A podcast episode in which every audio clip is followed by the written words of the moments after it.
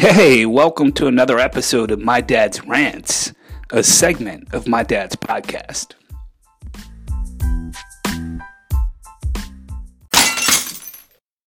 As always, before I get started, here's a few words from our sponsors.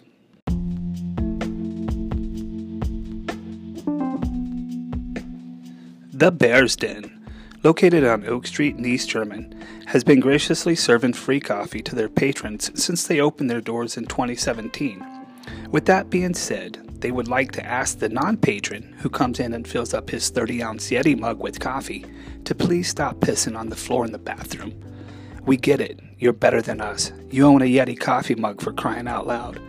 Please instill the same class when you're in the bathroom as you do when you're filling up your overly priced coffee cup. Thanks, Berta.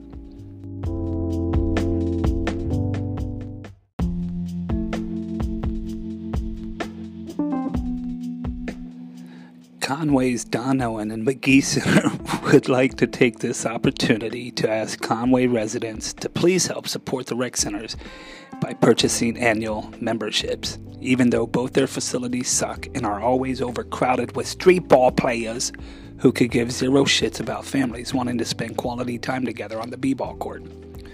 By purchasing an annual membership, you'll still be subject to poor quality equipment, overcrowded amenities, and horrible customer service from the rec desk operator. Thanks in advance for your memberships.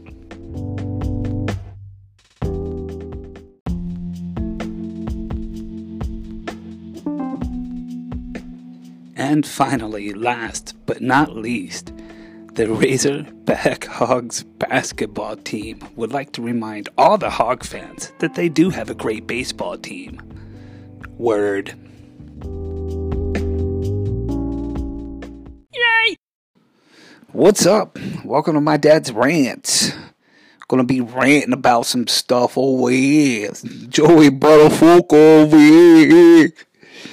That was a crazy time, wasn't it? Oh, Joey Buttafuoco uh, he just opened the door and shot that lady in the face, man. Or did he get shot? I have to look that up. I don't remember if Joey Joey Buttafuoco got shot or if he shot the lady. Uh, it was crazy. Everybody used to run around school and say, "Joey Buttafuoco over here." Uh, I just that's like the only thing I remember. Well, I remember the whole story, but I remember people doing that. And then uh, the first time I heard it, I was like, man, I want to I want to pick up that accent. So so I started working, and I was in theater arts growing up, and uh, I just loved being able to uh, do different ty- styles of accents and stuff. But I think that New York accent really, really uh, kind of just stuck with me, and, and, so much so that I, I was just so in, enticed by the whole East Coast thing and everything. And my, my wife right now is my wife right now. My wife is from Albany, New York, and uh, we we go out there to visit. And I love her friends out there, Angela Amser, Bill Holt. What's up? I love their friends out there. They're they're great, and I love I just love listening to everybody talk out there. Um, and and I honestly think that uh, my wife is losing a lot of her accent now, but she definitely doesn't have the South accent, which. I'm not saying uh, anything is good or bad about those accents. I'm just saying I've just always kind of liked that East Coast accent style. But uh, but uh, anyway, so I'm turning 44 Monday. Um, been switching, switched all my. You know what? My wife started bringing in one percent milk. Well, first here's how it started. We went from whole milk to two percent milk, from two percent milk to one percent milk, and that's what the kids have now and I stopped putting I just stopped doing cereal and stuff like that because there was I just couldn't eat my cereal with 1% milk. 2% milk was cutting it. 1% milk I'm like I'm done. You just ruined cereal for me. Uh, so so but now here I am on cashew and almond milk and I love the stuff and I mix it with my protein powders and I just I love it, man. And so I'm going to go back to uh, maybe like my Wheaties or something like that, mixing it with these milks. Uh, they're great milks. It took me a long time because I'm picky. It took me a long time to say, yeah, I'll try it.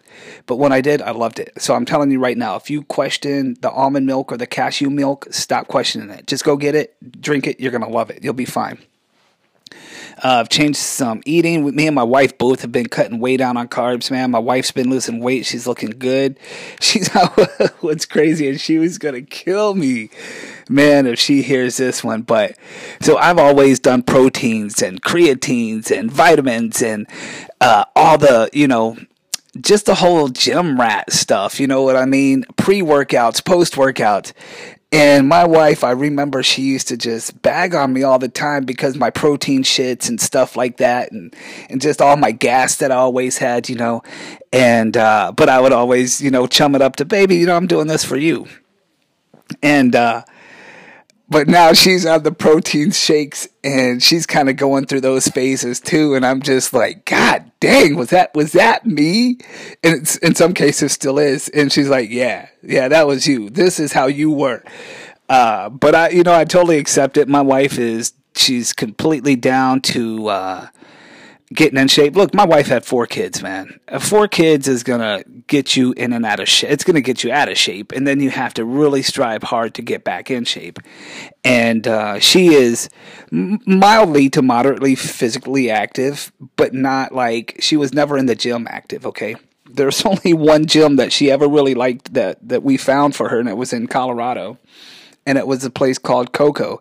And you literally go into this place, and each machine has uh, earbud uh, auxiliary that you could push put in, right? And then you hear this guy's voice and he tells you exactly how to set your weight, exactly how many reps you need to do and, and and it's awesome. And every machine was like that.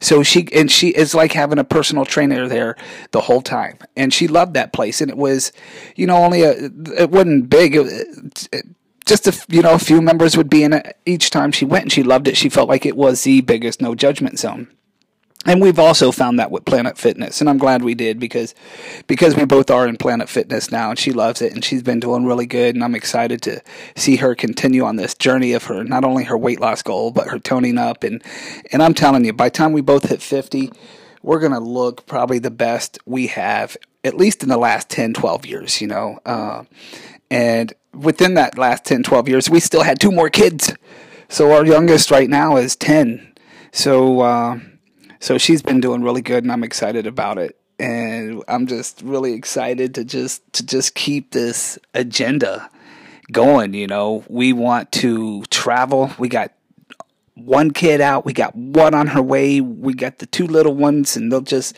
stay home or go with us whenever we do stuff. But we're gonna get out. We're gonna definitely start doing a lot more camping this season, trying to hit places like uh, Texas, some East Texas, going into New Mexico, Roswell. We want to get down to Roswell and, and, camp there and do the whole alien thing that they got going on in Roswell.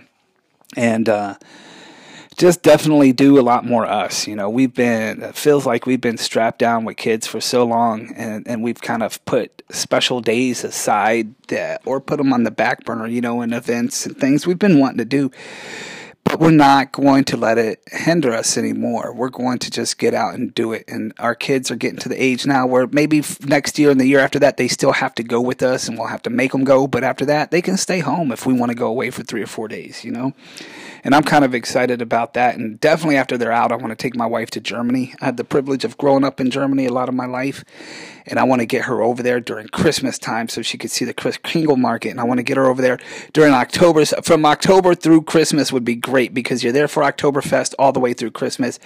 The snow's beautiful. The snow's deep. The snow is prevalent there, not like here in Arkansas. I'm still hoping we get some snow. I, I'll be honest with you. Arkansas has kind of always been home for us but I am so done with not getting good snows. We had the privilege of living in Colorado for a few years, and we just we enjoyed we enjoy our winter seasons.